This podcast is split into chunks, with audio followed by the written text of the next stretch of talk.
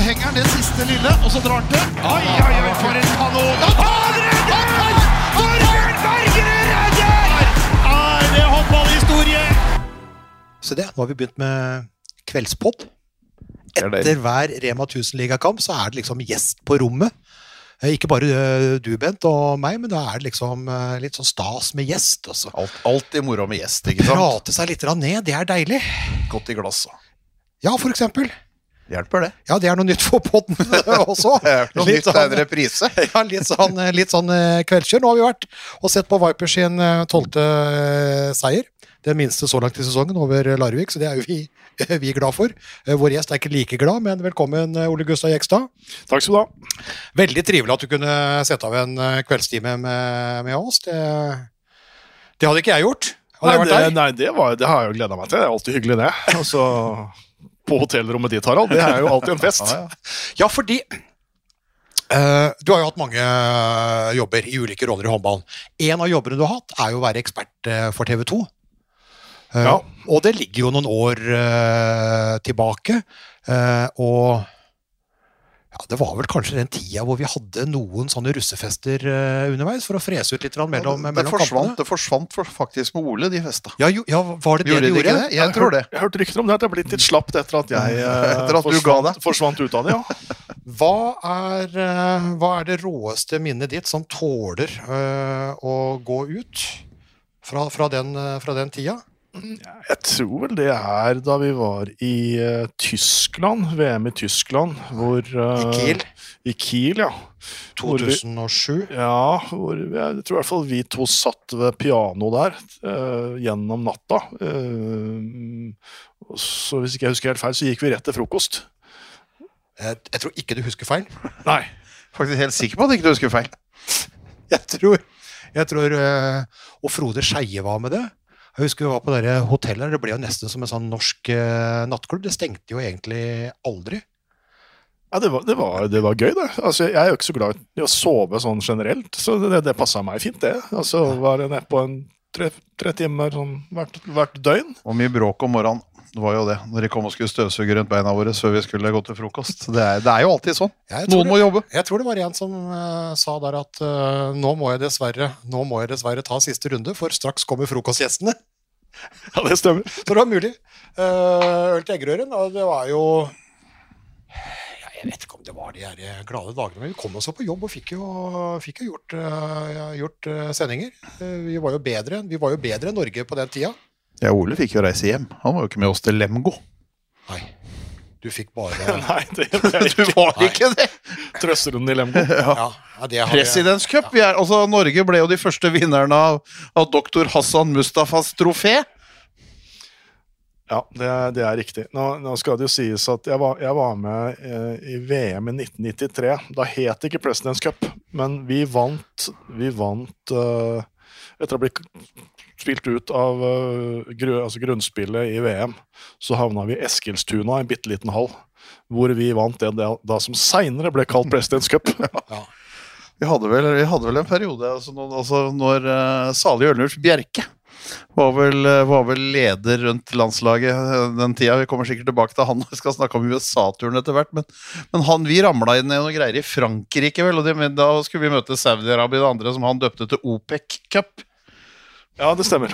OPEC-ligaen var vi eh, OPEC-ligaen, i, OPEC, så vi eh, møtte, møtte, møtte mye Gulfstater vi, når vi hadde Vi skjemte ut nasjonen. Ja, ja. eh, altså den, den tida hvor jeg sier at eh, vi var bedre enn eh, Norge, for dere var jo på en måte meget sterke spillere på et uh, norsk landslag da, som ikke nådde helt opp. Det skal vi innom. Eh, Vi skal innom litt rann, uh, VM for herrer. Vi skal innom eh, Colorado Springs uh, 88 og tap for USA. Vi skal innom Vi skal innom VM i 1990 og fortelle om da Romania, som også tapte for Men det tar vi etterpå. Ja, eh, og jeg vet at eh, Ole Gustav eh, har ei høne å plukke med deg, hvis du kan forklare forskjellen på enkle eh, og Og vanskelige vanlige, vanskelige tekniske feil. vanskelige Ja, tekniske ta feil. Men mest av alt, etter en del rør i, i starten, så skal vi prate litt om det du har vært gjennom litt som uh, håndballspiller, trener, leder. De valgene du har gjort nå eh, med å forlate Vipers. Jeg er veldig spent egentlig på å høre dine tanker om liksom, Champions League-bildet og, og håndball-Europa på, på kvinnesida. eh, etter hvert, så jeg tror dette her kan bli, det her kan bli spennende. Men forrige episode eh, Forrige der igjen, med Hedin, det var jo USA. Så det kommer vi, til- det vi tilbake til. Men siste episode, det var jo med, med Sola-trener eh, Steffen Stegavik. Vi satte opp uh, VM-tipset. Uh, hvor da dere to Jeg hadde tippa Norge inn i, på bronseplass. Dere trodde at det røyk for Frankrike i, i kvartfinalen. Uh, Steffen rekker jo ikke å se så mye, for han skal jo holde på med sola. Sånn er det kanskje med deg også, Ole Gustav. Men du får sett litt. Hva, hva er inntrykket ditt av det som foregår nede i Polen og, og Sverige nå? Jeg må innrømme at jeg ikke har sett så veldig mye så langt. Jeg har sett noen få kamper. Eh, Jeg fikk ikke sett eh, Norge mot Nederland. Eh, Men jeg, syns jo Norge ser veldig solide ut. Altså Hvis alt klaffer, så ser det veldig solide ut. Så ble det sånn lite skremmeskudd mot Nederland. Men jeg tror fortsatt at det kan gå lang vei. Men jeg har ikke sett Jeg har, jeg har sett litt på Danmark, Danmark har sett litt på Sverige, men det er en del lag jeg ikke har sett. Så jeg, er jeg er ikke helt oppdatert og føler meg øh, klar til å spå veldig klart øh, per nå, men jeg skal, jeg skal mer inn i, i mesterskapet nå etter hvert. Ja, men det, det blir jo litt sånn når du har eh, Champions League-kamper i helga og seriekamper i midtuka, så blir det jo, så blir det jo travelt. Men eh, jeg kan jo også si til, deg, det har du vel kanskje oppfatta òg, at det er en del lag du ikke bør se også. Uh, Ja, det, det, det har jeg fått med meg. De har jeg faktisk latt være å se på. Ja, fordi uh, I kvinnemesterskapet så opplevde vi jo da litt av altså det er, ja, det er en del oppsider med utvidelse til 32 lag. Flere lag fra kontinentet. Folk vokser. altså Vi så jo Nederland, som har vært nede både for kvinner og menn, er nå oppe osv. Det er en utvikling. Men vi sabla jo ned litt den der utvidelsen som er politisk begrunna, med de knustapene som var kvinne. Det er ikke like ille på herresida nå, men det som vi prata om i forrige podden, det er jo en del. Det er jo en del. Ja, altså, det er, det er, det er altfor mange lag. Det er for stor, det er for stor forskjell. Eh, og så skjønner jeg til en viss grad den politiske delen som ligger i det, at de som da drifter og styrer IOF, og det er de som på en måte da kan styre også inn mot olympiske leker, at de ønsker at det skal bres ut flere steder i verden for å beholde håndball som en olympisk idrett. Det, det, det, får være det ene, men, men det må være andre måter å gjøre det på. Det er ingen, det er ingen som er tjent med at, at, de kom, at de kommer der. De taper med store siffer, de har egentlig ingenting der å gjøre. Og det verste er alt at fra noen av de puljene så går noen av disse lagene videre til en hovedrunde. Hvor de da også, hvor de da også får, får en haug Når det kommer til hovedrunden, så får du også en haug med uinteressante kamper. Og så kan du diskutere på en måte hva som var. Vi var jo spesialister til å, til å, veksle mellom B- og C-VM. Altså det, det var jo en rangering. Hockeyen har jo det enda. A- og B-VM, liksom. Er det, er, det bedre, er det bedre utviklende for de som da kan Altså at det blir jevnere kamper i begge, eller, eller hva det vil være. Men, men jeg syns i hvert fall at det nå med 32 lag er mye.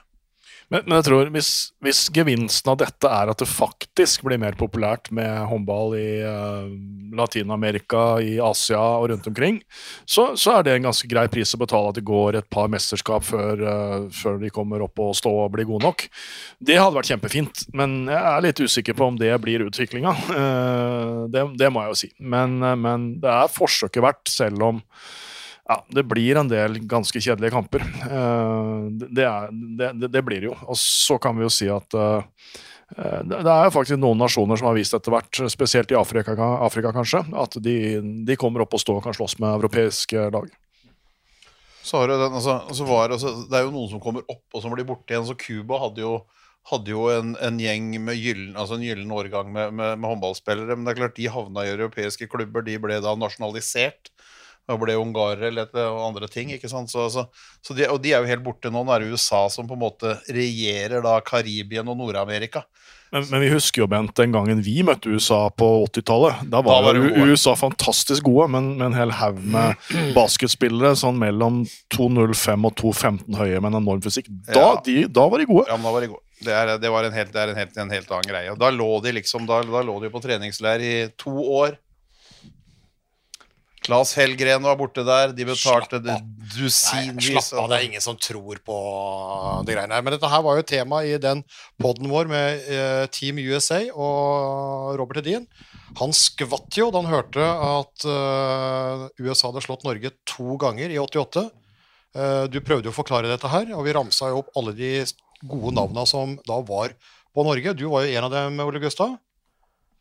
Ja, altså, Har du noe det- å si til ditt eh, forsvar? Ja, ja, ja altså, for det første så var dette i Colorado Springs på 2000 meters høyde. I hvert fall Bent og jeg vi var ikke akklimatisert. Vi hadde ikke gått gjennom høydetrening før de kampene. Altså bare se USA- på langrennsløperne nå, de sliter når de skal opp. De sliter jo med å gå i Davos. Ja, USA hadde jo ligget der oppe i to år, som Ben sa, og satsa knallhardt på OL. Og så, hvis ikke jeg husker feil, så var både Michael Jordan, Shaquille O'Neal og noen til var på laget. Ja, det var det. Dere vet, dere kjenner jo hvilken fysikk de, de hadde. Nei, og det, altså, altså For å sette enda mer i perspektiv, da, så var faktisk Romania der sammen med oss. Det var en trenasjonsturnering. Romania som tok bronse i VM, eh, VM 1990. Etterkant, det var jo da inn med stinga av de store gutta. Så nei, så det er, så det er ikke noe på en måte det å Vi er ikke flaue over å ha tapt for USA når de var på høyden. Jeg hadde vært flau over å ha tapt for USA i dag, men, men den gangen var de på høyden. Men det skal dere fader meg ha, gutter. Nå har dere akkurat satt verdensrekord i bortforklaringer. Hæ? Jeg må fortelle en historie derfra. fordi at Jeg ble ganske god kompis med en av spillerne på USA. Han het Bob og var egentlig brannmann fra New York. Og Han sa han var vant til å trene én gang i uka. Uh, som, uh, med en del kompiser så trente han håndball én gang i uka. Og Så ble han dratt inn på dette amerikanske laget, ble flytta til Colorado Springs og trente da to ganger om dagen i to år. Uh, altså det, var en, det, det- det var jo helt vanvittig. Han, han var helt ødelagt etter noen måneder før han liksom begynte å komme seg igjen. Men, men det var jo den utviklinga de hadde. Altså De, de satsa jo virkelig knallhardt inn mot, uh, inn mot OL. Jeg skal, jeg skal prøve å la tvilen komme de to tiltalte til, eh, til gode. Men ja, nei, det, var, det var jo et eller annet da, og så har det jo på en måte blitt borte. Men dette her er jo dette er jo på en måte altså verdens største sportsnasjon som IHF og Hassan Mustafa eh, sikler for å få opp og, og fram. Ikke minst med tanke på å, å bevare håndball som en, en OL-idrett. Og er det noen muligheter? Er det, er det, altså nå, nå, nå har de jo slått Marokko, da. Og kommet inn i den hovedrunden. Det er jo et av de lagene som kommer til å få pryl i den hovedrunden. Men de har jo fått sin første VM-seier gjennom eh, historien, alt mulig. Får de et nytt 88, eller går det til helvete? Jeg tror det er vanskelig for dem å pikke 88, altså. Det tror jeg. Da må du holde på lenge. tror jeg nesten er umulig. Og jeg har hørt Robert Edin snakke engelsk, så dette tror jeg blir vanskelig. Men uh, Anja, Anja Borg, da, som dessverre ikke er med her, fordi hun er jo dekker håndballgutta der, hun uh, har jo da satt som mål uh, å spille for USA i Los Angeles i 2028. Hun har jo da også lurt på om eh, du kunne overta kvinnelaget. For ifølge Robert Edin så går det greit med gutta, men kvinnene de er langt, langt nede. Altså. Så er det noe du kunne ha på CV-en etter hvert, eller er det Det hadde vært gøy, det. altså, altså Ta med Anja der og så finne, samle sammen en eh, 15-20 basketspillere. Sånn litt, eh, litt kraftige og god fysikk. Så det hadde vært moro. Jeg er klar. Det hadde vært noe å ja, tenk å trene USA i Los Angeles i 2028. Så er det alltid middag i Det hvite hus for OL-deltakerne. Nei, det er mye her, altså. Ja, altså, det, det, hvite, det er mye demens i Det hvite hus om dagen, men, men det er mulig at han er er, ute, mulig han er ute derfra i 28. Til 28 så kan det være mye enda mer rare som er det. Ja, hvis han sitter i 28, da Ja, men altså, Det kommer jo helt an på alternativet. Ja. Det er det som er det, er det, som er det rare. ja. Florida gjør comeback, ja. Ja, ja da. Nei, men det, er deilig egentlig nå at jeg da ikke sitter aleine mot, mot resten av nasjonen og skal forsvare et tap for USA når de var på høyden. Det er, det er godt å ha fått med Ole, som på en måte da har eh, integritet og skjønner, skjønner håndball og er, eh, har trent, eh, trent lag til eh, Champions League-gull de to siste åra. Som på en måte er en, fa, altså er en fagmann. Du fikk suksesstreneren som Anstand, ja, på en måte. Eh, Jeg må, vi må si også at Det er jo den kuleste landslagsturen vi har vært på. omtrent. Det Finnes var- ikke i og nærheten først, noen ting. først til New York, og så over til Chicago, Denver, og så ti dager i Colorado Springs. Det var helt fantastisk. Ja, ja, det var helt- det var helt faktisk nydelig. Det helt var fantastisk. Men var det på den tida hvor liksom håndballgutta var mest opptatt av å fylle kjøleskap og så tømme det, eh, og, og, og håndballen var eh, liksom eh, andrepri, eller, eller, eller var det ikke det? Nei, det var jo ikke vi. Vi, vi løp jo på friidrettsbanen der. Jeg husker vi løp opp til Pikes Peak og Bent. Det var Ja, ja. 4000 4300 meter 4300 oppoverbakke. meter opp der, Ja, vi, det, var- gikk tog, men tok ikke vi. Vi løp. Nei, nei, vi løp opp. Ja, Vi tok, vi, vi, tok, vi tok toget ned.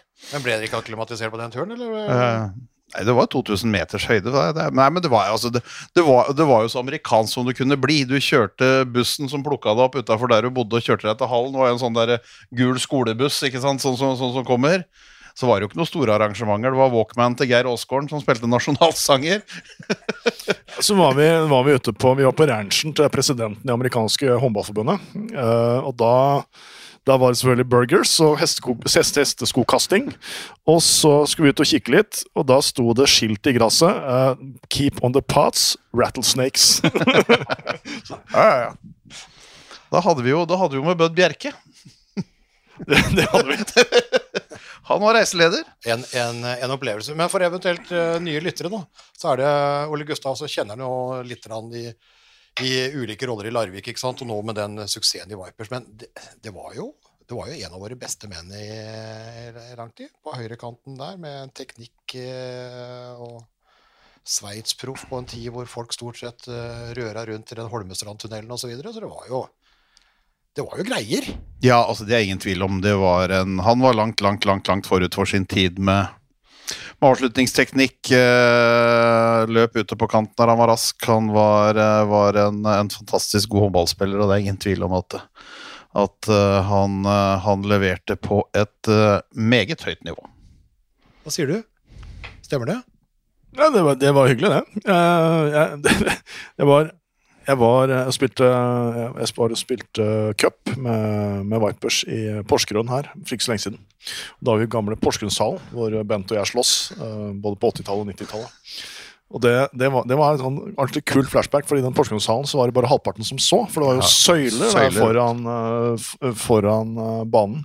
Når, når, jeg så den hallen, tenkte jeg at ja, ok, det er håndball har i hvert fall kommet et lite stykke på vei siden vi fløy og, fløy og surra der uh, for ganske mange år siden. Men der var hall, hallen var full en time og et kvarter før kamp. altså. Da var det da ikke mulig å komme inn. Ja, Mye var bedre før. Ikke alt. Men ikke var, alt. Ikke mye alt. var bedre før, men da... Maten var bedre før, vet du. All mat står det best før. Ja, men, ja. Så det er men da var du da var, da var det uredd på deg, Bent, og så var det Sandefjord på deg. Oppkomlingene fra Sandefjord. Det, det var den gangen Bent hadde rosa pannebånd. Ja, det hadde jeg. Ja, fy fader, Ulan. Det bildet, har, det bildet har vel ligget ute på vår Insta, Instagram, og det er helt fantastisk med det rosa pannebåndet. Helt nydelig. Helt nydelig. Som mange andre kaller det. Tjuren, altså oksen. Oksen. Kom kommer, kommer hun først. Det, det, var jo, Bent var jo også tidlig utenlandsproff og, og, og dro ut og var jo litt oppe der og nikka. nikka der, så er jo to jeg sier ikke gamle, sier tidligere stjerner. Ja, altså Det som var litt spesielt på den tida Bent var jo en internasjonal spiller. Det som var spesielt på den tida, det var at de aller fleste landene vi kunne reise til som spillere, der var det bare tillatt med én utlending i hvert lag. Sånn at eh, skal vi si, proffmarkedet var der, men det var jo veldig veldig begrensa. Ellers så tror jeg vel kanskje at både Bent og jeg hadde vært ute og spilt i utlandet en god del år til. Det, det vil jeg tro.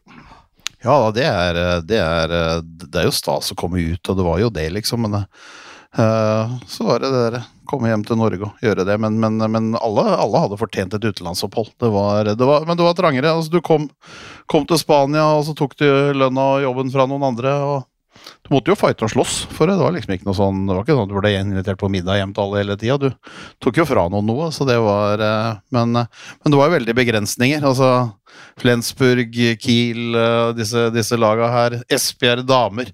De kunne jo aldri levd på den tida med, med, med fulle landslag fra en annen nasjon. Det hadde jo ikke gått. Andre tider, Du hadde jo ja, beste tida Sveits? Ja, jeg var i Sveits. Det var utrolig gøy. Eh, både som håndballspiller, men også jeg jobba med litt andre ting. Eh, det var, eh, det var kjempegøy. Vi, vi, dette var før 9-11 2001. Dette var på 90-tallet. og, og i, vi drev og oppretta skatteselskaper til kunder fra hele verden som ville gjemme penger. Så det var en, en, ganske morsom, men også ganske brutal opplæring i, ja, skal vi si uh, i, i, skatteplanlegging, uh, som var kjempekult. Møtte mennesker fra hele verden. Møtte um, I den gjengen jeg var, så var veldig mange fra Opus Day. Og de som har sett Da Vinci-koden, vet hva det er. Jeg har levd midt i det der. Og det, det var kjempekult. Ja, for der var, var Sveits tidlig ute med banker og hvitvasking av penger og unnaluring av penger. Og... Ja, absolutt, men på den tida så var det også sånn at det var jo ikke sett på som kriminelt å snyte skatt i et annet land. Eh, i Sveits. Så du kunne, du kunne bli uh, svartelista, dømt for mye rart. Men om du svindla skatt i Norge, så var det ikke dette sveitsernes problem. Så de pengene kunne du fritt sette inn i en sveitsisk bank.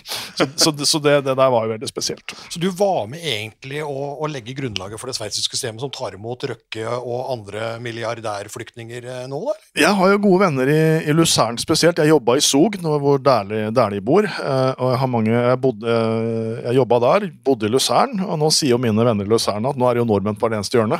Så, og de er ganske fornøyd. For han ene, en god kompis av meg, han, han har mye eiendom og selger leiligheter i bøtter og spann til, til, til nordmenn. Så det er eh, Ja, ja, ja, sånn kan det gå. Men dere, men dere, men dere kom jo kom hjem. Du, du, ble jo, du, ble jo, dratt inn i, i TV 2 og har vært, uh, vært, kommentator. Du har jo vært uh, altså jo fuska mye i faget, du også.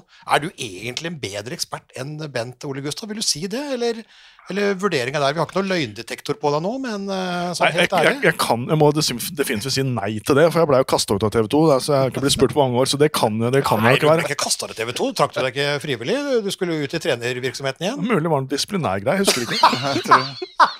I Kiel, I Kiel i 2007? Kom noen no, noe føringer. Ble tatt av før Lemgo? Nei, du, du, skulle ut og, du skulle ut og være trener og leder, du. Ja da, det, det, er jo blitt litt av det. Så, men, men, men svaret er fortsatt nei, da. Fortsatt, Du mener det? Ja, ja. Men du, du, driver fortsatt og du, du har jo fuska i faget. Altså, Vi var jo veldig glad i deg den gangen du var i TV 2. Vi satte veldig stor uh, pris på deg og skulle gjerne hatt deg med. Hadde det ikke vært fordi at du skulle løpe rundt deg i treningsantrekket hele tida. Men, men, men, men, for all del. Men du har jo vært hos kollegene våre i TV Norge Discovery da, og kommentert en del klubbhåndball og hatt OL-håndball osv. Altså, er, det, er det noe du syns er en artig attåt-næring? Jeg syns det er kjempegøy. Eh, Først så tror jeg det er nyttig for håndballtrenere også håndballspillere å se hva pressen faktisk gjør og hvordan man jobber. Jeg tror jeg, Det er fin voksenopplæring, og syns jeg det har vært utrolig gøy. Altså Hver gang man er på mesterskap eller eh, holder på med håndball og ser det fra den sida, syns jeg det er kjempemoro. Så det, det, har egentlig vært ekstremt givende. Uh, de, ja, jeg har egentlig vært på ganske mange mesterskap etter hvert også, både på dame- og herresida. Hvis du kommer tilbake, uh, og det håper jeg du gjør, Eh, så husk at uh, russetida som vi prata om innledningsvis, den er over. altså. Nå er det beinhard jobbing uh, hele, hele tida. Jeg beklager det. det. Det må du ta i vurdering. Ja, ja, ja. ja nei, det, det, det, det, er fint. Jeg, jeg, begynner jo å bli voksen, jeg også, så det passer jo egentlig greit. Ja, for det har vi jo prata en del om, hva, hva, du skulle gjøre når du, ble, når du ble voksen. Du har jo hatt en del, hatt en del uh, ordning der, men nå har du jo så har du bestemt deg for å stikke fra Vipers og, ja. bli, og bli, trener i, i Odense. Uh, og var det egentlig slik Altså, jeg tenkte at uh, du, du, du, dropper jo ikke ut av Vipers før du er 100% sikker på at du har et nytt tilbud osv. Men du gjorde kanskje det? Ja da, jeg gjorde det. Jeg ante ikke hva jeg skulle da jeg sa at jeg ikke skulle være i Vipers. Og det har jeg egentlig gjort de tre siste gangene jeg har skifta jobb. Så jeg har bare bestemt meg for hva jeg ikke skal, og så har etterpå dukka opp hva jeg skal. Ja, fordi, altså, han får jo en jobb. Ja, ja, ja. Så, så, det, er, så, det, er noe, det, er, det, er, ikke noe fare sånn sett. Men, men, men, men, du har følt ja. Også hvis du er litt sånn fleipete altså, han, han, har vunnet Champions League de to siste åra med Vipers. Og så sier han i august at ikke han skal være der mer. Altså, tidenes jobbsøknad, egentlig.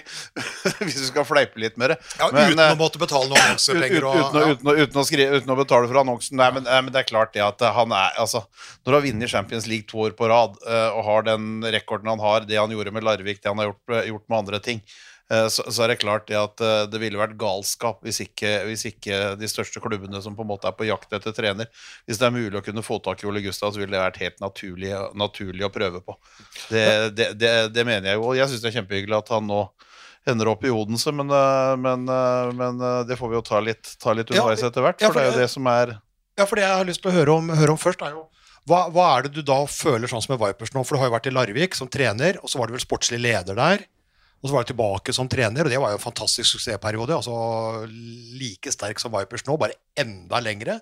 Uh, så, så, hva er det som gjør på en måte at det går sånn fem-seks år, så tenker du nei, midt i all suksessen, altså trekker deg før nedturen, eller blir det bare nok, eller blir det slitasje, eller ønsker du noe annet? Nei, Det er vel rett og slett fordi at uh, jeg, Først så blir jeg litt lei av å holde på med akkurat det samme eller vært på samme sted lenge. Og for andre så er det morsomt å utfordre seg sjøl med litt andre ting. Jeg har jo gått ut og inn av håndball noen ganger. Jeg har jo på en måte Kall det gitt meg på topp i håndball tre ganger. Jeg har gått fra Larvik til næringsliv, eh, fra Drammen til næringsliv, fra Larvik igjen til næringsliv, og så tilbake til håndball. og Det har egentlig vært veldig givende. og det var litt av da jeg sa jeg ikke skulle trene Vipers lenger, så har det har dukka opp ganske mange spennende ting. Også øh, næringsliv, kombinasjon håndball-næringsliv, rein håndball. Så jeg liksom, det er gøy å vurdere å gjøre andre ting. Jeg trives også med å gjøre andre ting, men, men nå fant jeg ut at nå skal jeg ikke hoppe ut, nå skal jeg ikke hoppe ut av håndballen. Jeg har lyst til å fortsette med det på toppnivå, og det tror jeg kan i Odense. Og så har det vært Jeg lurer fortsatt på hva jeg skal gjøre når jeg blir stor. Det, det, det, er, øh, det er litt ålreit. Nå begynner det å haste. Begynner å haste. men, men like fullt, da. Det, det, er jo, det er jo litt sånn Jeg syns det er Jeg jobber jo litt med, med, næringsliv nå. og Jeg sitter i et par styrer og jeg holder på med litt ting. Og det jeg syns det er veldig givende. Jeg tror også det gir en god del til håndballtreneren, det å, å se ting ja, Se hva andre driver med. Og, og, og således også være litt i media, pressen innimellom, og se hva som skjer der. Jeg tror, jeg tror det bare er positivt. Så, så å, bare holde på ball og klister, det, det, det kjeder meg litt, hvis det, hvis det, bare blir det. Ja, og så tror, tror, jeg det er, er viktig altså det, snakkes jo hele tida om at det, er så viktig for næringsliv, og så det er derfor en haug av gamle skihelter og andre kan reise rundt og holde foredrag og fakturere det hvite av det, fordi at alle må sette idretten. Men jeg, jeg har jo vært jeg er jo idretten, og jeg har sittet i næringslivet. Jeg tror også idretten har ganske mye å, å lære av næringslivet. fordi at altså På struktur og prioriteringer og de tinga der. Det er ikke bare sånn at uh, en som har vunnet åtte gullmedaljer i, i, langrenn eller noe sånt, og skal reise rundt og fortelle 'da gjorde jeg det, og da gjorde jeg det, og da gjorde jeg det', og da gjorde jeg det. Liksom. Det, det, er ikke noe sånn, altså, du, du, blir jo ikke noe, du blir jo ikke noe Røkke kunne ikke hørt på det. Hadde aldri bygd noe greier da. Så, så, så, så, vi må liksom ikke bare tro at fordi at vi har vært store idrettsutøvere, at, at næringslivet bare skal sette idretten ja på noen ting. Men, men, det er minst like mye, hvis ikke mer, idretten kan lære av næringslivet, tror jeg, da. Ja, jeg, jeg er helt enig i det. Jeg pleier å si det, og det er ikke alltid idretten syns det er ålreit, men jeg pleier å si at jeg har lært mye mer i næringsliv enn i idrett. Og det mener jeg helt alvorlig. Det er det er større og mer komplekse problemstillinger. Det er flere og mer forskjellige folk du skal ha sammen. og Jeg mener at det er ekstremt matnyttig også når du skal trene et, et håndballag, og, og, og, ha hatt sine bein i, i næringslivet. Du har jo vært på mediesida, og så har du vært på trenersida lenge. Eh, kvinner og menn. Eh, og så har du da eh, vært Ja, du hoppa jo av håndball og var jo da næringslivsmann ganske lenge. Fordi ja. du da trengte en avveksling fra håndball, men så kom du tilbake til håndball, så ja. Gikk lei av næringslivet òg. Ja, altså, det, syns jeg var kjempekult. Jeg, jeg, var jo faktisk prestasjonsdirektør i et forsikringsselskap og jobba i fem land, og det var kjempegøy. Eh, rett og slett fantastisk gøy. Så ble jeg litt så mye byråkrat etter hvert. Det var da GDPR kom for fullt. Jeg skulle sitte og dokumentere verdikjeder og sånn. Det, ja, det, var ikke meg. Jeg, jeg, jeg, likte meg, jeg likte meg ute i felten med alle teamene rundt omkring, så det var kjempegøy. Men da da, da takka jeg også, eller sa jeg også at jeg kommer til å slutte. Jeg visste ikke hva jeg skulle. Det kunne like godt ha blitt i et annet firma som håndball, men da kom Vipers på banen litt sånn tilfeldig. Og det, det angrer jeg ikke på. Det vært gøy. Nei, det har jo blitt en, eh, blitt en suksess. Eh, fem foregående sesonger. Rubbel og bit i Norge. Seriecup, sluttspill. To ganger Champions League. Altså det ble én gang med Larvik over alle året. To ganger på rad med, med Vipers. Det er faderullan, det er tøft, altså. Det er kult.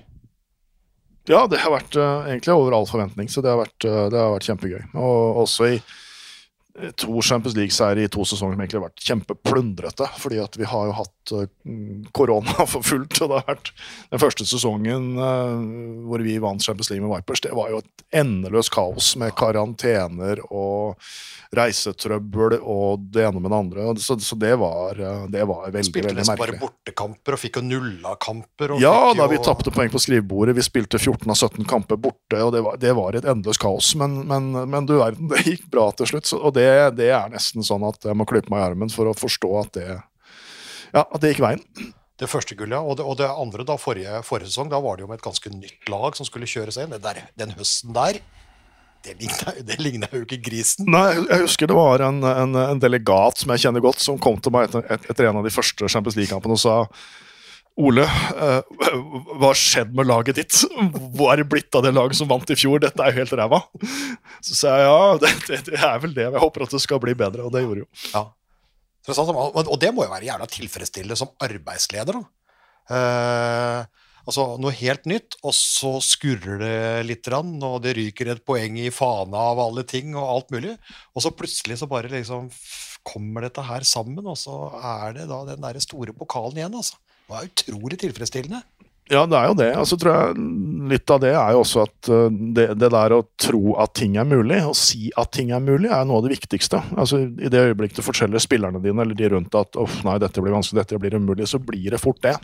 Jeg tror i hvert fall det jeg prøver å leve, det er at altså, ingenting er umulig før vi har prøvd det. Og, og hvis ikke jeg tror på ting, hvis ikke jeg sier at vi kan gjøre ting, så blir det vanskelig for laget mitt å tro på det. Så, så det er faktisk viktig. Og, og så kan utgangspunktet være vanskelig, og det kan være skader, det kan være dill og dal, men i det øyeblikket jeg kapitulerer og, og syns at ting blir vanskelig, så, så, så, så har jeg vondt for å forstå at uh, du, du skal kunne få med deg spillerne. Så Det har vært en av mine viktigste oppgaver. Det er å si til alle at ok, vi kan, vi kan komme til Final Four, vi kan vinne Champions League. Dette er mulig uansett. Og så har heldigvis noen trodd på det etter hvert. Nå gidder du ikke mer, da. Nå kapitulerer du. Ja, ja nå, Fortell det Nå- skal nå skal fortelle jeg- det til noen andre. nå skal jeg si det til dansker og nederlendere. Ja, ja, kanskje, kanskje de kan eh, komme opp igjen, der Wiborg og Slagelse var i, var i, var i sint. Men hva Men, men altså, Nå skal jeg spørre altså, Du er jo altså sånn mediemester. Jeg husker at du har kommet med en eller annen nyhet, men du er vel altså den som er vanskeligst å få nyheter ut av, egentlig. Du er jo, du, altså, du er jo, du er jo altså en østers som en skal prøve å åpne med bare hender, uten kniv. Det er eh, nesten umulig. Du holder alltid korta tett inntil eh, brystet. Men kan du si noe om hvilke veier som var, var åpne? Tenkte du liksom på eh, sportsleder, trener, kombinasjon næringsliv, trener, eller hva, hva var det du funderte på før du liksom sa ah, Odense fortsette? Nei, jeg, jeg, jeg hadde egentlig, Da jeg sa at jeg ikke skulle være trener i Vipers, så var det egentlig planen å fortsette med håndball. Eh, det var det. Og, og planen var også å reise til utlandet eh, sånn, som første prioritet. Men så er det i hvert fall sånn på damesida at det er ikke så mange klubber som er interessante. Uh, hvis du har lyst til å være med i toppen og være med å slåss i toppen av Champions League, men også ha en klubb som er liksom, skal vi si, trygg, godt organisert. Det er ikke så veldig mange av dem. Uh, Og så dukka det opp en del sånne interessante ting som jeg ikke hadde sett komme på, på andre ting. Uh, som, som noen ting jeg, jeg fikk til med et par ting som jeg overhodet ikke var kvalifisert for. Eh, så at dette er bare tull, dette kan jeg jo ikke. Så det, det syns jeg er hyggelig, men dette, det, dette er ikke meg. Og så kom det en del interessante ting i håndball som, man, som jeg har vurdert. Men eh, jeg syns Odense var altså, ryddig klubb. altså, Satser, har økonomien i orden, har mulighet til å gjøre en ting på spillesida. Eh, jeg, jeg syns, liksom det har vært veldig, vært veldig bra. Nå kom Odense ganske seint på banen, for det ble klart ganske seint at de skulle bytte trener. Men når det kom, så, så var jeg egentlig veldig, ja, veldig klar for det. Jeg tror det blir bra. Hvor mange klubber kunne du gått til, egentlig? Ja, nei, ja, Det er jo alltid sånn når du starter en forhandling, så vet du ikke hvordan ting ender. Men, eh, men jeg, jeg kunne nok ha endt opp en del forskjellige steder, ja. Kan du nevne i stigende rekkefølge? Uh, jeg, jeg skjønte ikke spørsmålet. Nei, det, er, det, er, jo- det er jo sånn i denne verden at de, de klubber som er ute etter trenere, de, de vil jo helst ikke lage første, andre og tredje valg. Og, og jeg tror at uh, de som ringer meg og spør om jeg vil uh, snakke med dem, de skal, skal vite at eh, det blir mellom oss. Eh, så der har du Østersen igjen. Ja, ja, men her, jeg skjønner jo det. Jeg sitter her og tyter her. Det er jo egentlig illojalt overfor de klubbene som var interessert i deg. Men kunne du blitt eh, trener i Gjør? I gjør. Ja? Uh, nei. Nei? De ville ikke ha deg, eller var du ikke interessert? Ja, det var det, da. Ja, nei, akkurat. Jeg skjønner. Men Odense Jeg så du ble sitert på 'kjærlighet ved første blikk'. Nei, det var ikke meg. Det var, det var Trine Nilsen. Altså sports, Trine- sport, sports, sportsdirektør i Odense. Trine Nilsen ble forelska i deg på Ja, altså, ved, ved, ved første blikk. jeg måtte, måtte forsvare den da jeg kom hjem Faglig, til, eller? eh, da jeg kom hjem til Katrine, samboeren min. Men ja. jeg håper det var faglig, ja. Uh, Vi får håpe det. hva, tror du, hva tror du hun uh, faglig tente på? Jeg tror, jeg tror at vi, vi, vi, vi traff hverandre på det at ikke bare henne, selvfølgelig, men også resten av klubben, at vi traff hverandre litt på filosofi og hvordan vi hadde tenkt å gjøre ting, og hvordan vi hadde tenkt å bygge lag, og hvordan vi hadde ja, lyst til å gjøre det. Så, så, det, det klaffa veldig bra. Og det, det, altså, og det skal litt til meg, for jeg, jeg er jo litt sær på en del ting. Jeg er jo opptatt av å ha ting på min måte, og, og at ting skal liksom ligge til rette. Så, så at det blir kjærlighet ved første blikk, det er ikke gitt. Nei, men, men hva, er det, hva, er det, hva er det som er viktig for deg? Hva er det som må være på stell før, Nei, for- før du tjener? For det første så må organisasjonen være på plass. Og, og det, det diskvalifiserer en god del klubber rundt omkring, hvor det er et endeløst rot. Uh, og så må det være en mulighet til å satse, og så må, må man være villig til å bygge kultur, som jeg mener er noe av det aller viktigste. At man faktisk ja, bygger en treningskultur, bygger en, eh, en, en vinnerkultur, en prestasjonskultur, hvor, hvor det går foran det meste annet. Og da må det også da må spillerne innrette livet sitt til å, å leve det livet. og det kan, Jeg tror jo det stort sett er gøy når du kommer inn i det, men det kan virke litt sånn farlig før du kommer dit. Og så er det selvfølgelig sånn også at uh, for meg altså for meg som nordmann i Danmark, så, så, så vet du at kan, den kulturen er ikke så veldig ulik. Nå, nå, jeg vil jo trene syv-åtte nederlendere. Jeg vet også at Nederland har litt av det samme. Uh, så jeg tror faktisk det blir lettere enn det det har vært i Vipers de siste åra. Hvor vi har hatt nå syv-åtte-ni forskjellige nasjonaliteter med, med i hvert fall utgangspunktet kulturer som spriker til alle kanter. Men da var det liksom ting i, ting i Oden som ser at altså, her, er det, her er det potensial. Altså, her er det en utfordring. Her kan vi få en tredje klubb opp i Final Four og kanskje vinne hele driten. Ja, jeg håper jo på det. Det er jo helt klart et mål. Og, og um, nå, nå skal man jo Danmark kvalifisere til seg til Champions League. Det er, det er her Ikast og Esbjerg og Odense per nå som vel slåss om det. Så jeg håper jo virkelig at jeg kommer til en klubb som skal spille Champions League. Ja, i, ja, altså, I Vipers er du gitt, i Danmark er du ikke, er du ikke gitt. Nei, Sier jo det- Esbjerg som er eh, inne der nå, altså med, med Odense. Altså, det er jo Fikk jo alle, fikk jo alle en håndsrekning eh, i kveld når eh, Silkeborg slo eh, Herning i kast. Så, og de tapte to poeng i det rotteracet der. Så, så det er jo mye som taler for at Og så har jo, de har jo så Vinner du serien, så, så er du mer eller mindre Så er du sikra, egentlig. De har jo to plasser. Ja da, kommer, det- kommer til å fortsette å få det, det. det, er, det er riktig, det. Også, men så er det også litt sånn i Danmark at det har vært mye snakk om altså både danske landslaget, som da alle, i hvert fall danske journalister, mener skal vinne mesterskap. Det er mange som mener at SPR Odense skal vinne Champions League osv. Men, det- men de har nok ikke gjort det. Altså, De går stort sett på trynet hver eneste gang det begynner å dra seg mot en eh, semifinale, eller i hvert fall en finale. Så, så det er jo en liten sånn liten greie å knekke det der. Uh, og og eh, det er Norge som stort sett vinner mesterskap. Det er svært lenge siden Danmark gjorde det. Så, så, så det er liksom det der å ta det fra at alle venter at det skal skje, og danske spillere er gode nok, og bla, bla, bla, til å faktisk gjøre det. Og det, det, er, det er noe sted. altså, de, de er jo, de er EM 2002, altså.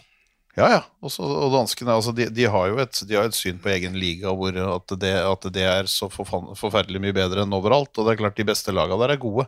Det er gode lag i Frankrike, og det er gode lag i Romania, og det er gode lag andre steder også, så det er liksom ikke gitt at, det- at de skal komme dit. Du må, altså, du må, som du sier, du, du, må knekke den, du må knekke den koden. Du så altså, ja, Jesper Jensen gjorde en fantastisk jobb i et mesterskap på hjemmebane. Så ender du opp mot Kroatia, skal bare inn og hente en bronsemedalje, og så taper du den. Det handler, det, handler, det handler om innstilling, kultur og viljen til, viljen til å blø for det. Og, og også en overdreven tro på seg sjøl og ikke er villig til å gå inn og gjøre jobben. Det, det er jo det Ja, det går om. Derfor er liksom, jeg syns det er litt kult nå når Sola drar ned til Nykjøping og slår de i, Ja, i, i Europa, Europaligaen. Det, det er kult. Det er, altså, det er ikke så bra som man kanskje en del dansker tror. Det. Nei, eh, både på klubb, men, men det er jo langt tilbake at eh, altså de, har, de har jo en fantastisk eh, liga. De har jo alle forutsetninger. Det er jo en fantastisk håndball. Altså vi kan jo se, altså det er en håndballnasjon. Altså Landslaget, interessen, klubb Vi er, vi er jo fulle av misunnelse. Uh, sett herfra. Men det er klart uh, så, altså EM 2002, da hadde de gjort det der generasjonsskiftet fra 90-tallet, hvor de dominerte totalt med Anja Andersen og Camilla Anja Andersen og hele kostepinneriet. Og så fikk du ett generasjonsskifte som dro det inn i 2002. Men det er det siste gullet, altså. Okay. Og så var det jo, var det jo en mannsalder før det da tok en bronse, og så og så en bronse og en sølv, sølv til. Så Jesper Jensen har jo, har jo løfta litt, men det er, det er ganske lenge siden. Slagelse var der. Og det er ganske lenge siden Vipers uh, var der. Og tok liksom de derre Og er, og så er jo en del av de bærende spillerne altså, De er jo ikke i den danske ligaen heller. Altså, du har en Sandra Toft som har vært i Frankrike, som nå er i Gjør. Du har Anne Mette Hansen som har vært seks-syv sesonger i Gjør, og som på en måte plukker opp ting ute og kan ta med seg tilbake til landslaget. Så det er jo, det er jo sånn det er. Og så ser du sånn I forhold til Champions League så er det klart at de spiller mye kamper. Men fanken, Ole, er det du som skal få dansk håndball opp og fram, eller? Det er Blir du en femtekolonist her? Nei, altså, jeg, jeg, har lyst til å være der hvor det skjer ting, og hvor det ligger til rette for at man kan oppnå noe. og Det syns jeg de gjør i Odense. Og så, så vet jeg at det blir knalltøff konkurranse, i hvert fall med Esbjerg og, og med Ikast. Og så får vi jo, får vi jo se. Men, eh, men eh, jeg, jeg tror at ting ligger til rette der, også sånn næringslivsmessig. Det er stor interesse. Det er ressurssterke folk rundt.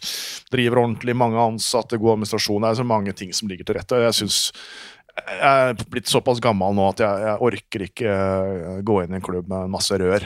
Og det er ganske mange klubber hvor det er mye rør. Det er, ingen tvil om det. Vipers, da? Eh, Er det, er, er det vanskelig nå? Fordi at uh, nå sitter vi her noen dager før du skal ned til Odense med Vipers.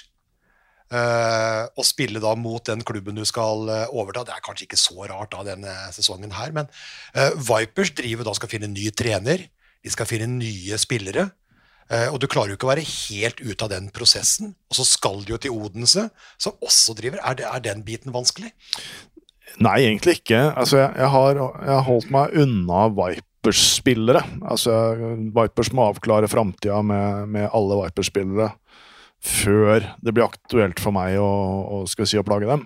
Så Det har vært en viktig greie. Og så opplever jeg ikke det som vanskelig å dra og møte Odense heller. Det er all in med Vipers for å vinne. og så kommer den nye jobben 1. juli. Så det har egentlig ikke vært så vanskelig. Det som har vært plundrete, jeg syns det har vært slitsomt prosessen fram til beslutning. For det har vært mange baller i lufta, det er mye tankevirksomhet Mye mer slitsomt enn jeg hadde trodd. Altså, det har vært uh, mye å tenke på. Våkner om natta hit eller dit, og det er liksom masse greier. Og, og ikke minst masse mange som ringer, og det er mange møter.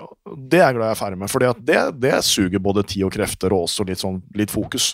Så det har vært viktig å bli ferdig med skal vi si, før vi nå går inn i den viktigste delen av sesongen med Vipers.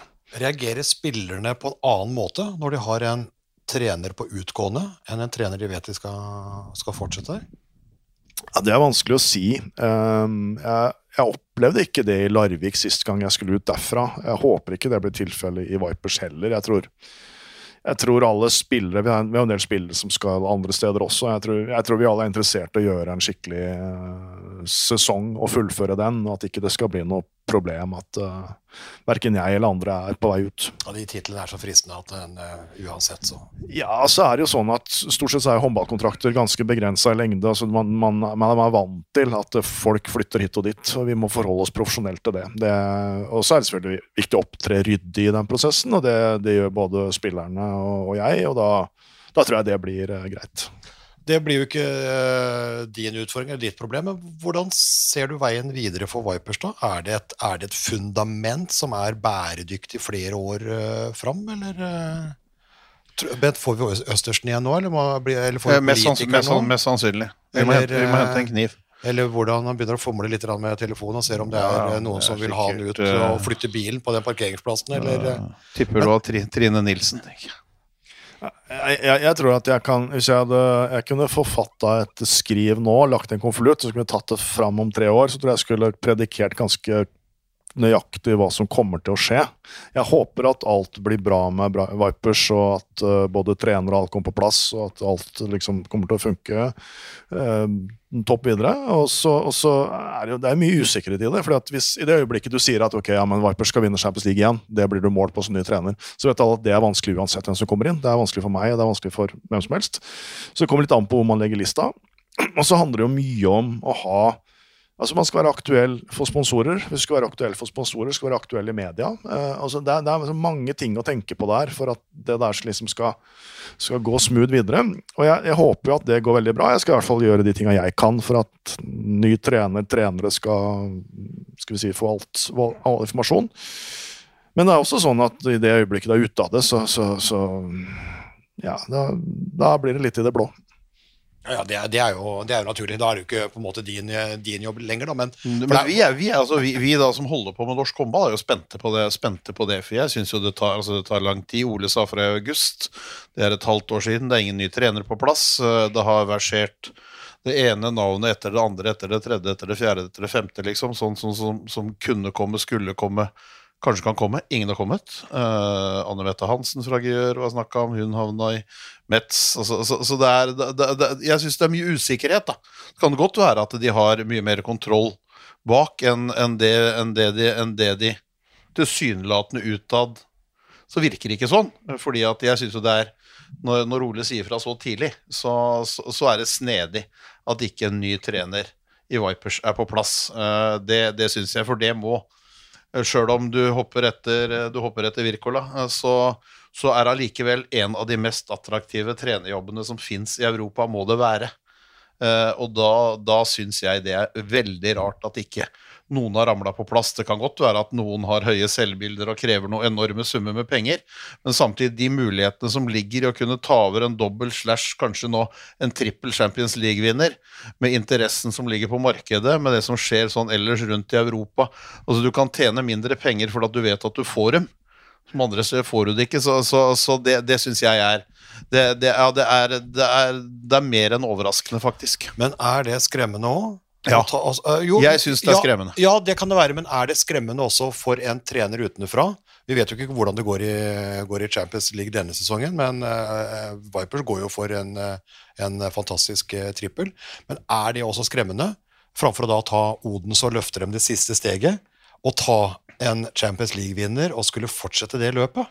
Ja, men da, da har du på en måte ingenting i topphallen. Hvis du skal være redd for at en klubb har prestert å ta over dem så, så må, ja, men, ja, men da, da må du, men, men, men alle vet jo at også Ole sier også det er at altså, så marginalt det er, for du kan, du kan like gjerne ramle ut av, ramle ut av Final Four på, på et ettmålstap uh, sammenlagt mot, mot en god motstander. Samtidig som du kan komme deg inn der, og kommer du deg inn der, så er det mulig å vinne, liksom. Så, så hvis, hvis de på en måte er, er, redde for at de eller føler et prestasjonspress fordi de kommer til en klubb som som tilsynelatende ser godt organisert ut. Det er, en, det er en fornuftig økonomi, det er et fornuftig lag. De har, de har resignert uh, Katrine Lunde som verdens beste målvakt. De har resignert Anna Vjakereva, som kanskje er verdens beste håndballspiller. Hvis du på en måte er redd for det, da, da skjønner jeg godt at ikke du gjør det. Ja, jeg, er uenig i det. Jeg hadde også håpa at det skulle være en trener på plass uh, nå, når vi skriver uh, godt ute i januar. Uh, så jeg er enig, enig i det at det burde være på plass. Det hadde vært et greit signal. Og så har det vært masse, en haug med trenere som har hatt lyst på jobben, det vet jeg jo. Det kom en haug med henvendelser. Men jeg, jeg er ikke inside på den prosessen som foregår, og jeg, jeg er veldig Jeg er like spent som dere, som, eh, og sikkert mange andre, på, på hvem som faktisk blir eh, sjefstrener i Vipers. Så er det, det var selvfølgelig et signal med, med, med resignering. Lunde, Vjakereva, eh, Debelitz nå. Jeshamkova stikker jo av gårde. Og de sier at det skal komme, komme folk inn, da, men, men, men tror du, med den konvolutten, uten at uh, vi åpner det hele der nå, at det er, eh, at det er liv laga? At vi skal ha et norsk lag der, der oppe på Nei, jeg, jeg tror i hvert fall det som er viktig, det- det er jeg er opptatt av kultur. og det er klart at En norsk kultur er nok litt spesielt. En Vipers kultur er annerledes enn en Gjør-kultur eller en uh, CCM Bucuresti-kultur. Og, og Hvis ikke du har noen bakgrunn for hvordan det funker, så, så er det nok vanskelig å komme inn og overta ta laget. Og Så er det jo også en ganske liten organisasjon. Det er, det er ikke en masse hender og masse folk i Vipers, så, så det er også en ting som er annerledes fra en del klubber. Så, så det, det er jo ja, det, det er litt spesielt. og da tror jeg at uh, Først tror jeg det er viktig å beholde en del av de menneskene som er der nå. Jeg har jo to assistenttrenere som, som, uh, som kjenner dette. Vi har et apparat rundt. og Hvis du liksom kommer inn som trener fra et helt annet land og skal ta med deg dine egne folk, så kan du fort bli veldig overraska. Og, og da, da tror jeg faktisk det kan bli vanskelig også. Uh, så jeg håper at det blir en slags videreformidling av det vi driver med. Så skal man sette sitt stempel på det og selvfølgelig gjøre en del nye ting. men jeg tror det smarteste er at man, man øh, fortsetter litt på den samme veien, øh, men selvfølgelig med noen nye impulser fra en ny trener. Ja, hvis den veien har eh, ført til rubbel og bit i Norge og to Champions League-titler, så ville det kanskje vært rart hvis vi skulle på en måte prøve å finne en helt annen vei, som kanskje er en blindvei. Det hadde jo vært litt uh... Da er det jo da, men da har, jo, da har jo på en måte Da har du egentlig ingenting her å gjøre. Altså Hvis ikke du er nysgjerrig på hva som har skjedd her, hvis ikke du er nysgjerrig på, på en måte hvordan ting har fungert, hvis ikke du er nysgjerrig på kulturen og hvordan det, treningskulturen og, og, og måten de lever på, hvis ikke du er nysgjerrig på det, og kan, suge til deg det som trener som kommer fra et annet sted, så er det klart da, da, da er det jo merkelig. Men, men, men jeg, er litt, jeg, er litt, skremt over prosessen som, som nå har dratt så langt ut. Det er jeg. Uh, vi får se om det dukker opp noe hvert øyeblikk. Men det jeg har lyst til å høre også med deg, Ole, er jo det er det landskapet som du, du til, altså det europeiske landskapet der. Uh, det varierer jo litt hvem som er der oppe. Altså Noen er jo stabile der oppe. Uh, Gjør, f.eks. Andre, der går det jo han som i Bucuresti, det er oppe og nikker nå, men det går jo liksom på hva er statstilskuddet til Bucuresti by, og hvem sitter i rådhuset? Altså, er det plutselig en storsponsor? Altså, vi så jo Vardar. Altså, vi har jo hatt Valchea. Altså, dårlig fundament. Da. Det er liksom én uh, oligark eller patriark som driver og styrer dette her, og så ramler det sammen. Uh, Russland er jo, er jo ute nå. Hvordan, hvordan, ser det landskapet ut? Fordi Vipers har jo knekt da ganske mange økonomier som er mye, mye sterkere enn en, en Viper. Altså, den har jo slått penga med andre virkemidler. Ja, det, det er jo riktig. Uh, og, og, det er litt spesielt. Jeg, jeg tror jo at uh, altså i, Kristiansand så har vi en enorm oppbackning fra næringsliv og folk rundt. og Det skyldes mye at vi har en fantastisk markedsmann i Christer Pavelsen som styrer dette sammen. Uh, og så, så, opplever du liksom hele tida at ting blir veldig personavhengig. Du må ha de rette personene på rett plass, om det er spillere eller trenere eller markedsfolk. eller hvem det måtte være. Så, så er, jo, er, det sånn at du må ha de rette, rette menneskene på plass der og, vi, vi, er jo der hvor vi har en veldig åpen økonomi. Den er sponsorbasert. Og mange klubber har en rik onkel eller to, eller en ordfører eller eller annet. De klubbene blir jo veldig sårbare. De kan eh, bli ofre for et kommunevalg eller et eller annet sånt. Men det er jo egentlig ganske likt også sånn som mange av de største fotballklubbene, som er eid av rike eiere. Altså det, det, er jo ikke en markedsbasert økonomi. Det er jo milde gaver og at folk er interessert og vil putte inn enorme summer i dette som gjør at det, det lever. Uh, og, og, det Der syns jeg egentlig liksom Det er litt gøy å være i Vipers som egentlig vi får jo ikke mange millioner av noen som plutselig putter inn eh, mye penger, og vi vet at mange av konkurrentene våre drives på ja, helt andre vilkår. Ja, og det, og det, er, jo, og det er jo stat som er inne. Du har jo nettoøkonomier, ikke sant. Altså nettolønning. Altså Gør, der vi holdt på der. altså da, da, Lunde var der, og Løke var der, og alle var der. Altså, det, var jo, det var jo nettolønninger. Leiligheta var gratis. Det sto en Q7 Audi fordi Audi var hovedsponsor. Hvis du trengte mat, så kunne du bare gå og sette deg på restauranten, for det var sponsor. Altså, du har jo nettoøkonomier eh, og alt mulig. Og så er det andre som tester. da. Husker du Brest, da de begynte å bruse med fjæra for noen år siden? Hadde vel 50 millioner eller eh, et eller annet sånt uh, i, uh, i, det, i, det, hele. Hva er det du gjør nå? Skal du ha tissepause, eller? Ja, ja, ja, for all del. Bent, jeg kan prate litt mens du tisser. Beklager at jeg outa deg. Da kan vi prate om Ole. Ja, um, så, så, så, det er jo et eller annet altså, De har jo aldri vært oppe i, i de summene. De kan jo ikke betale de topplønningene som andre konkurrenter gjør. Allikevel så måker de dem av gårde. da. Det er, og Kjernen i det ligger i de tinga som Ole snakker om her til å begynne med. Så det handler om en kultur, og du må bygge en kultur. Du må bygge en treningskultur. Du må på en måte uh, du må dedikere deg til det livet som altså, det, er ingen, det, det, er ikke mange av de Hvis du reiser til Øst-Europa, så står de fortsatt rundt hjørnet og røyker. ikke sant? Altså, det er jo, De dedikerer seg på en måte til det livet, og så får de masse gode opplevelser rundt håndballen med det.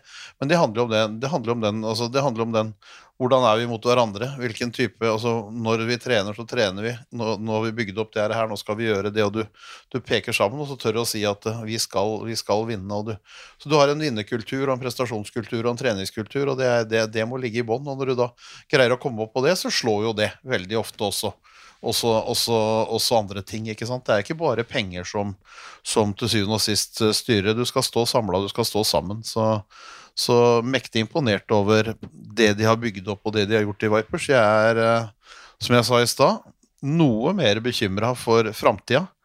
Med tanke på at ting har tatt så lang tid som det har gjort, med å få på plass, uh, få på plass uh, spillere, få på plass trener. Altså arbeidslederen burde vært på plass for en god stund siden. Så handler det om å få på plass de spillerne som da skal ta det videre. Du mister også en uh, en Jesjabkova som som vi humra litt av for en del år siden, når, når Tsjekkia spilte. Hun skøyt også 25 ganger i hver kamp og lagde en to-tre-fire mål. Uh, hamra og skøyt i Tyskland og kom hit, og nå er det blitt struktur på. Mm. Uh, gjør altså, var variabel i, i, sesongen i fjor, men, uh, men, det Final Four som hun går inn der og gjør Mest verdifulle spillere og ja, ja, men også, det, var, det, var, det, var, jo, det, var, det var ellevilt, ikke sant? Og det er klart at det handler om at det er, det er et råmateriale i det, som, som, og et potensial som, som, er, som, er voldsomt. Og så kommer det inn i den rette treningskulturen og den lette livskulturen, uh, og så slår det ut i full blomst. Og så gjør det at da Ikast i Danmark tar opp uh, voldsomt mye penger. Og for hun da som lever i en euro altså i en eurovaluta, så kan du først gange da det hun kunne fått i Norge med 1,4 hvis du får samme summen i Danmark. For det det er, kursen på den der, og så får hun enda mer penger oppå det. Så det er klart at det, det er vanskelig å konkurrere mot. Men, men, men hadde, hun hadde ikke blitt den hun har blitt nå, hvis hun ikke hadde vært, tror jeg, i en sånn type kultur som det hun har vært i. Det men tror jeg ikke. Men hun har jo da vunnet Champions League, ikke sant? Og, og kan jo da gå ut og prøve å sikre, sikre pensjonen. Viakreva kom hit for å vinne Champions League, hun har jo ikke gjort det. Er Fantastisk eh, spiller, men, men har jo det, det målet. fordi altså Vipers kan jo ikke konkurrere med de store økonomiene som vi prater om, eh, på, på, på spillelønninger. Nei, det, det, er jo riktig. Eh, samtidig så har jo Vipers nærma seg en del, det, det skal jo sies. Men det, det, som har vært veldig fint de siste tre åra, det er jo at vi har blitt rekrutteringsattraktive. Fra en periode hvor det var ekstremt vanskelig å få spille til Vipers, så er det jo vært mange nå som har ønska seg til Vipers. Uh, og så har vi bomma en del ganger på at vi, har, vi, betaler ikke nok, det er riktig, men vi, den, den, verden har snudd veldig. Og jeg tror litt av det har jo sikkert vært med at uh, verden har vært usikker. Altså, det har skjedd mye. Uh, og, og, Norge har kanskje vært en litt sånn trygg havn, men samtidig så har vi levert godt i Vipers. og Spillerne snakker jo med andre spillere, og, og, så, så vi har egentlig fått et et bra navn der ute, og det er ekstremt viktig. Vi var jo aldri i nærheten av det i Larvik, å være så rekrutteringsattraktive som det vi er i Vipers nå. Og det, det, har, vært, eh, vært veldig ålreit. Og så har det selvfølgelig det betyr, altså, det betyr, jo litt at uh, Russland blir kasta ut av Champions League. Uh, Anna Vakreva ville mest sannsynlig ikke vært i Vipers hvis ikke, hvis ikke det hadde skjedd. uh, Men, men, jeg tror det at vi nå har hatt uh, spanske spillere, franske spillere, russiske spillere, tsjekkiske spillere som snakker med mange andre spillere ute, har gjort at vi egentlig har fått et, et, et bra navn. Og da hjelper selvfølgelig um, resultater også ekstremt mye på. Altså, penger er mye, og, man er jo på ulike steder. Man har vunnet ulike ting, og man har nådd et mål, og kanskje er pengene men, men det å se Anna Vjakereva nå, altså etter operasjon og, og comeback òg, uh, høre når hun resignerte Altså at hun eh, liksom Altså Hun kunne ha tjent mye mer penger andre steder, men, men tror da at, uh, at, Vipers kan vinne Champions League, og det er jo en drøm eh, for henne. Hun trives liksom med deg som trener, med Vipers som klubb, ikke minst med jentene som spiller. Sånn som, så, altså Hun var drittlei. Hun slutta jo med håndball, hun var drittlei. Nå danser hun rundt deg. Det er liksom Bolsjoj-balletten i Aquarama, altså. Hun, altså. Det virker som om uh, at du trives, trives så godt. Altså, det, er, det, det, er, lekende lett. Hun, danser håndball. Det er så fantastisk flott å se på. Ja, altså, tror, tror jeg Det som er, det er verdt å vite om Anna Vakreva også, at det, dette er jo en stjerne i Russland som, som, får ekstremt mye oppmerksomhet, ekstremt mye press på seg, uansett hvor du er og hvor du spiller. Og det har ikke med politikk å gjøre, men rett og slett med interesse og en, en, en, en spiller som er litt sånn nasjonens stjernelegg i håndball. Så det er klart at det gir en ganske stor frihet også å komme til Norge og til, til Vipers, hvor hun altså, tross alt kan gå ganske fritt på by, i byen. Og, Hovedgata Markens er ikke Ja, altså, ja det, folk det kjenner deg igjen, men, men, men, det er noe helt annet. Jeg tror den friheten der uh, betyr ganske mye, og at hun, hun, hun, hun trives med å være også en privatperson innimellom. Ja, og Lunde er jo fra Kristiansand, så det er noe, men det er jo et unikum. Eh, det er unikum. Hvor, lenge, det, hvor lenge kommer det til å spille? Ja. Lenger enn Lene Rantala, eller? Nei, nå er det et OL først i 24. Skal vi tippe da at du er med i Los Angeles? 28, ja. Da, da, blir det jo vanskelig, for da skal jeg i USA. Så det er klart, det, det blir tøft. Det blir tøft. Men, nei, Anja, men, men, Anja Borg på linja mot Katrine Lunde, nærmere 50. Det blir, det blir helt fantastisk. Ja, altså. Nei, men, men det, er, det er den, den, helt klart viktigste signeringa. Signeringa det er Katrine Lunde. Både som lokalspiller, som, som kaptein på laget, som eh, fortsatt uh, en av verdens aller beste målvakter. Det, det er den klart viktigste signeringa som, eh, som har skjedd. Men sånn som du ser landskapet nå videre, når du skal eh, altså, med, med Vipers på kort sikt, men med Odense på lengre sikt og alt mulig, hvor er, hvor er, eh, hvordan ser fiendebildet ut? Altså, hvor er, hvor er de sterke? Hvor er de sterke nå? Jeg tenker på denne sesongen. Ja, denne også litt videre. Ja, altså, det, det, som, det som definitivt har skjedd i løpet av de siste to sesongene, det er at det, det altså Gjør, som var et powerhouse, som egentlig alle regner med skulle vinne alt, det er ikke det lenger. Altså, Vi har bidratt til å, å bygge det litt ned. Eh, flere har sett det er mulig å slå Gjør. Så jeg tror at i hvert fall det bildet har snudd. Nå har vi Bucuresti, som er en, er en potensiell Champions League-vinner. Vi har Metz, som er det samme. Vi har Esbjerg, vi har Vipers, vi har kanskje Odense. Det er flere lag som, eh, som jeg tror ser hverandre som litt mer jevnbyrdige. da.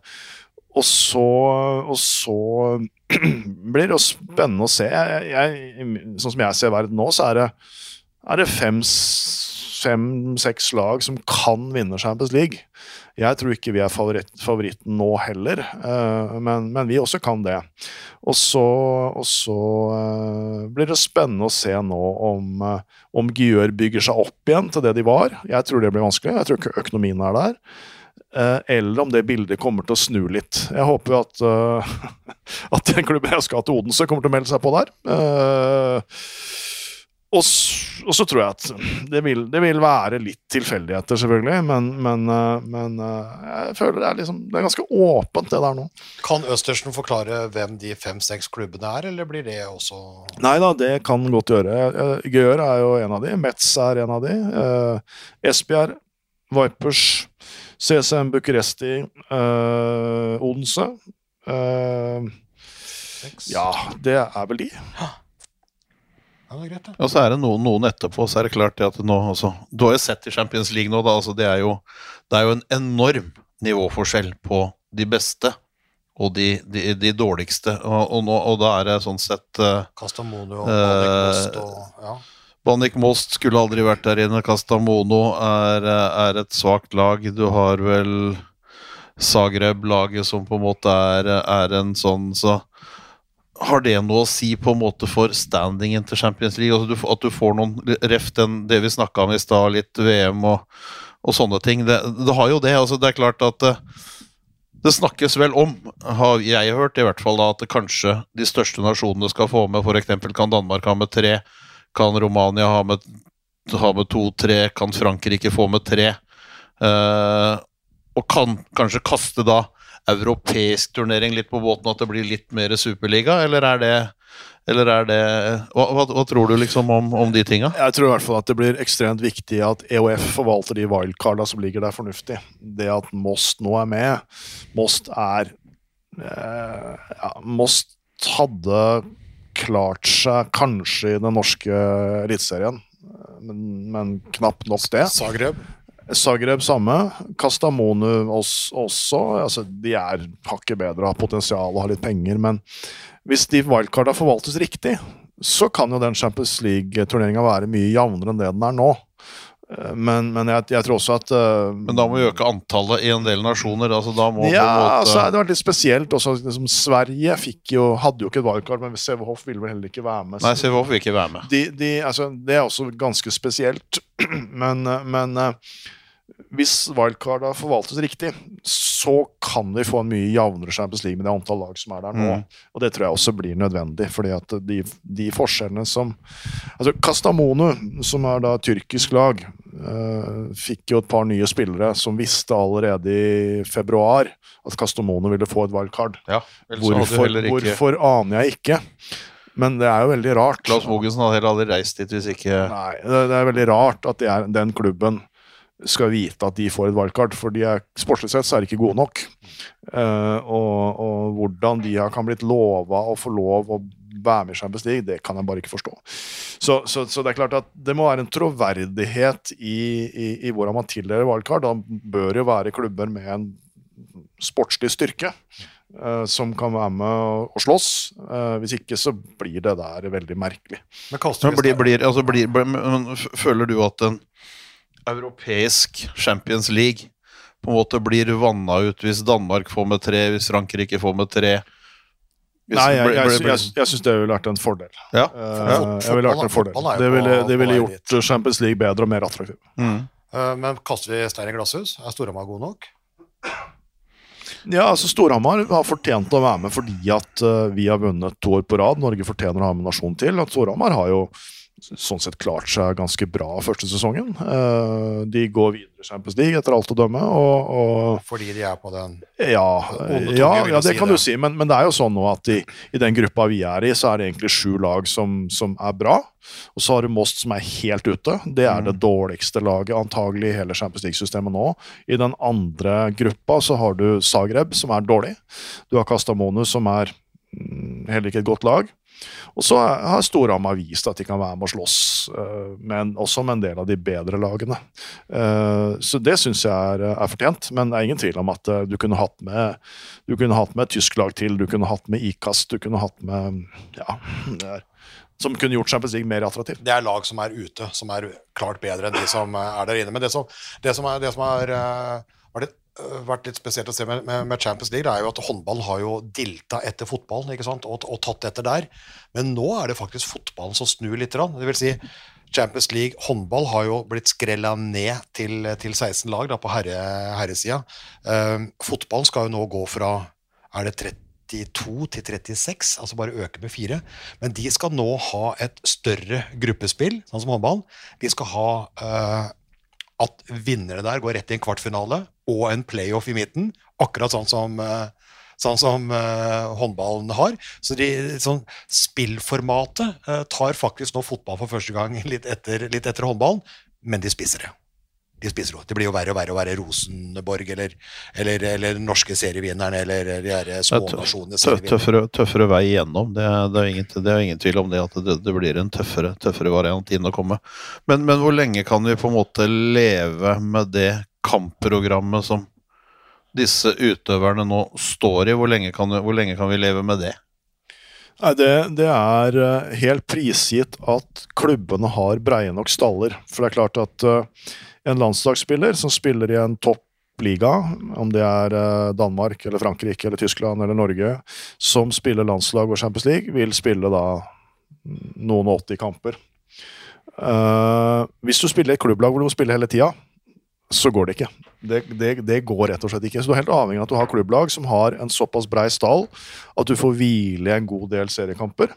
Eh, hvis ikke så er ikke det liv laga. Så der er internasjonal håndball helt prisgitt at du har klubber som forstår dette og tar vare på spillerne. Det, det har vært viktig for oss i Vipers. Det kommer til å bli viktig når jeg skal til Odense. At du må ha, du må ha nok spillere. Det betyr gjerne at du skal ha ni-ti bakspillere.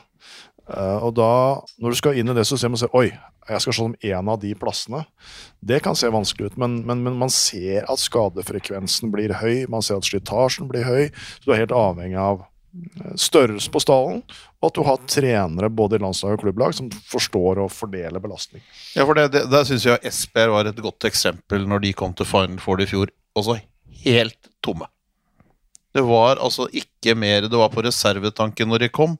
Og de fikk aldri fylt opp og tanka opp det greiene der. De, altså de, de, de punkterte, rett og slett. Ja, og det- er også sånn at det er treneren som må styre det der, for spillerne vil jo spille hele tida. Ja, ja. Eh, Det er jo sånn hvor, hvor mye får jeg spille eh, hvis jeg skal komme til deg? Det er viktig. Men, men jeg har vært i dette så lenge at jeg, jeg vet at hvis ikke jeg styrer belastning, så går dette til helsike.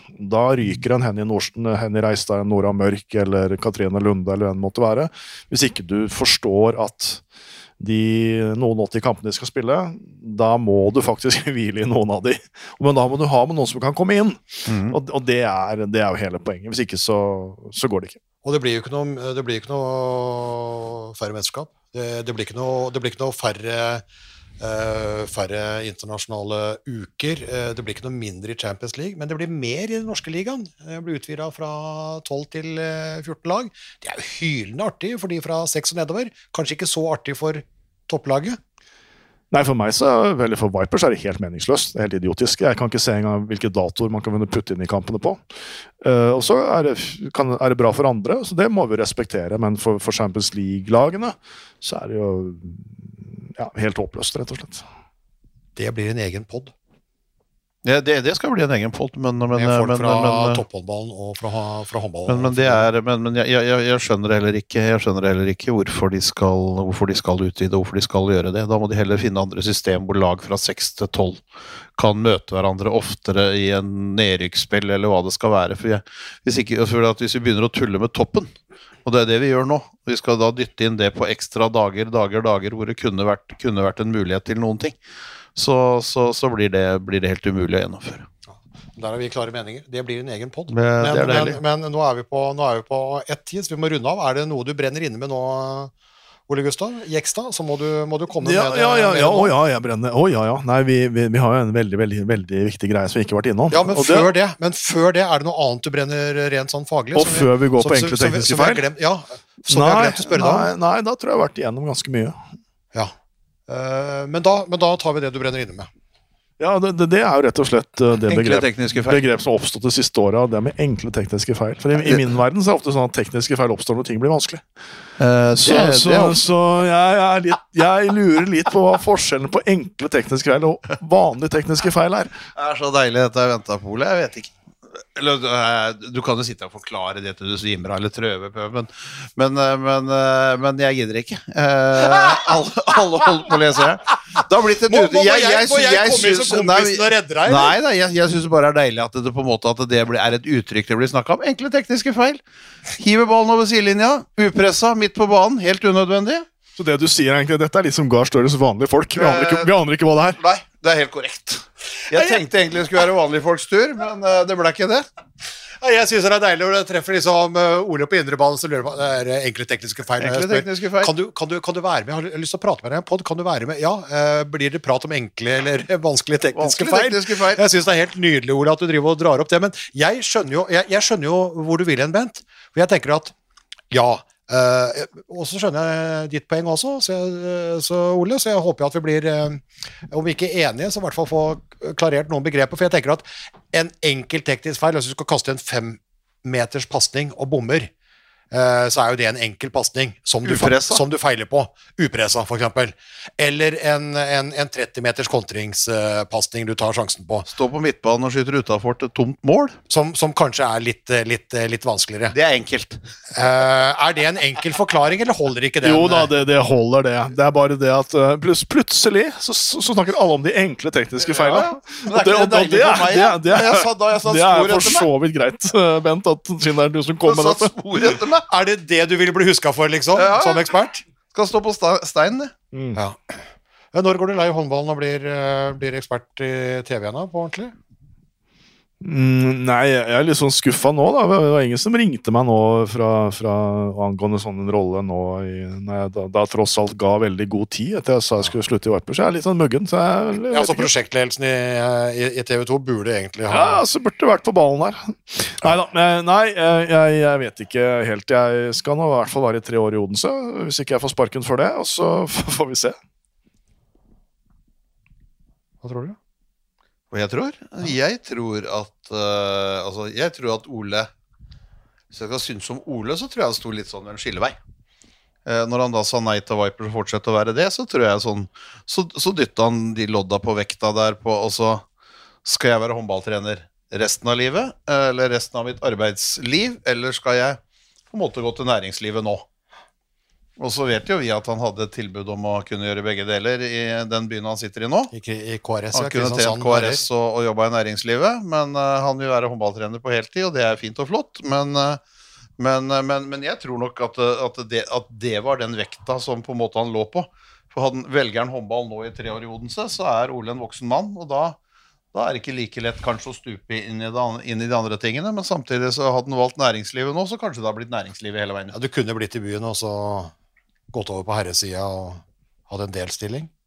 Jeg hører Bent spekulere litt i det, altså. Men, eh, men nei, Nei, er, det er riktig. Det, var, det har vært en vurdering om jeg skal gå nå tilbake til næringsliv, bare gjøre det, gjøre en kombinasjon, eller fortsette i håndball. Og da, da kan det godt hende at det smarteste hadde vært, og, siden jeg begynner å bli voksen, og gått til næringsliv og holdt meg i det. Men så er jo et konkurransemenneske. Jeg syns jeg vil gjerne være med og slåss i topphåndball i en del år til. Og så er det alltid sånn når altså, muligheter dukker opp. øh, når du bestemmer deg for å gjøre noe annet. Og det håper jeg de gjør Nå er jeg 58 òg. Ja, ja, ja. vi, vi får nå se. Det er ikke sikkert, det er ikke sikkert. Men, men i hvert fall fram til nå så har mulighetene dukka opp. Og så er det også sånn at jeg syns det har vært vanskelig valg nå å velge håndball eller å gjøre noe annet. Eh, Og egentlig litt sånn heldigvis også, for jeg er interessert i mange ting. Men, eh, men det er i hvert fall godt å kunne velge. Det er en fordel. Ja, det er bra. Men, men Blir det håndball nå til pensjon, eller kan det snu igjen om en tre-fire år? liksom? Ja, det kan snu igjen. Det kan For det som, eh, Før vi avrunder, da, det som Husk på det han begynte med, vet du. Han var i Sveits. Skatteplanlegging. Ja, det kan bli! Så det kan godt han trekker seg tilbake når han er ferdig i Odense. Og kompiser der, at han ja, holder på der nede, ja. Og på en måte har uh, Swiss Bank. Swiss Bank han har noe, har noe stråselskap. Jeg var, jeg var i Luzern i påsken, som er min tidligere skal vi si, hjemby, uh, og fikk et tilbud om å trene herrelaget der. Nå leder de serien, så kanskje det var dumt det ikke jeg hoppa, hoppa på. Men, eh, men eh, jeg angrer enda litt mer nå, for nå er det jo bare nordmenn i Luzern. Så det kunne jo vært kjempekult. kjempekult. Kan hende at du havner Det der sammen med Røkke og Røkka-gjengen. Gjelsten og Røkke og I. Men, eh, men eh, 58, ja. Eh, Bent runda jo 60 her. Eh, Jeg er jo 62. Eh, Det som irriterer oss litt, sånn helt på tampen, bare for å si det, det er jo at Bent og jeg, eh, som da bare er hårfint eldre enn deg, vi er jo grå og kjedelige. Altså, det er grått skjegg, det er grått hår, det er grått, alt mulig. Og du løper eh, rundt der med den der svarte manken din. Jævla irriterende! Du har litt grått i det der halvskjegget ditt, men det er svart som rakker der. Har du juksa, eller har du ikke juksa? Nei, altså, jeg, jeg, altså Barna mine sier at de må forsvare meg hele tida, fordi at uh, alle tror jeg har farga håret. Men det har jeg da aldri gjort. Uh. Eh, men jeg kan si at min, min farmor døde da hun var 94 og hadde fortsatt mørkt hår. Så jeg, det er gode gener. rett og slett. Genetisk. Begynner å bli, Du ser det, Bente begynner å bli litt grått på siden her. Men- jeg kikka etter er bevis på at ikke du forva det, og det ser jeg jo nå. Ja, det, det var godt å høre.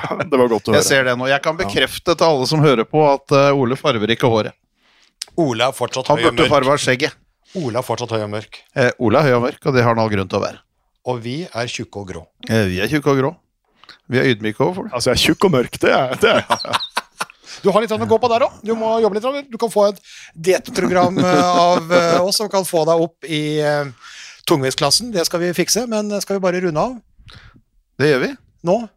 Vi må jo ta et fly snart. Han skal jo ned til Odense og slå sin eh, kommende arbeidsgiver, så det er, det er mye som står på. Ja, er- det vi er, travle- er viktig, viktig, viktig, viktig uke for Jekstad. Ja. Seier i Odense sikrer han, eh, sikrer han direkte til Ja. kvartfinale, og fortsatt med race om å vinne. Det kan også bety litt grann, eh, vinne sin gruppe i Champions League, kan også ha litt, litt å bety, men de blir, de blir en eller to. Ja, men, men De har, bli- de har ja, bli, bli blant de to er jo viktig, for da unngår du den playoffen og går rett til kvartfinale.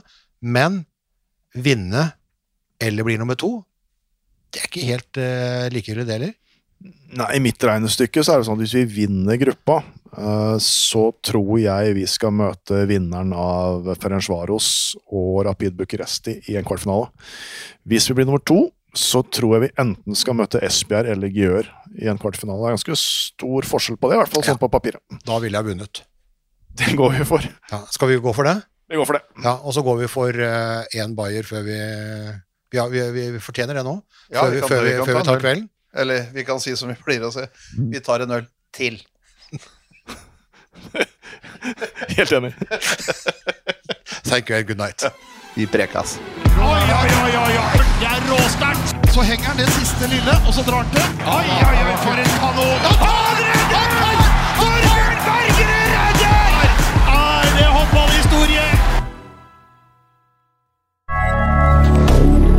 Moderne media.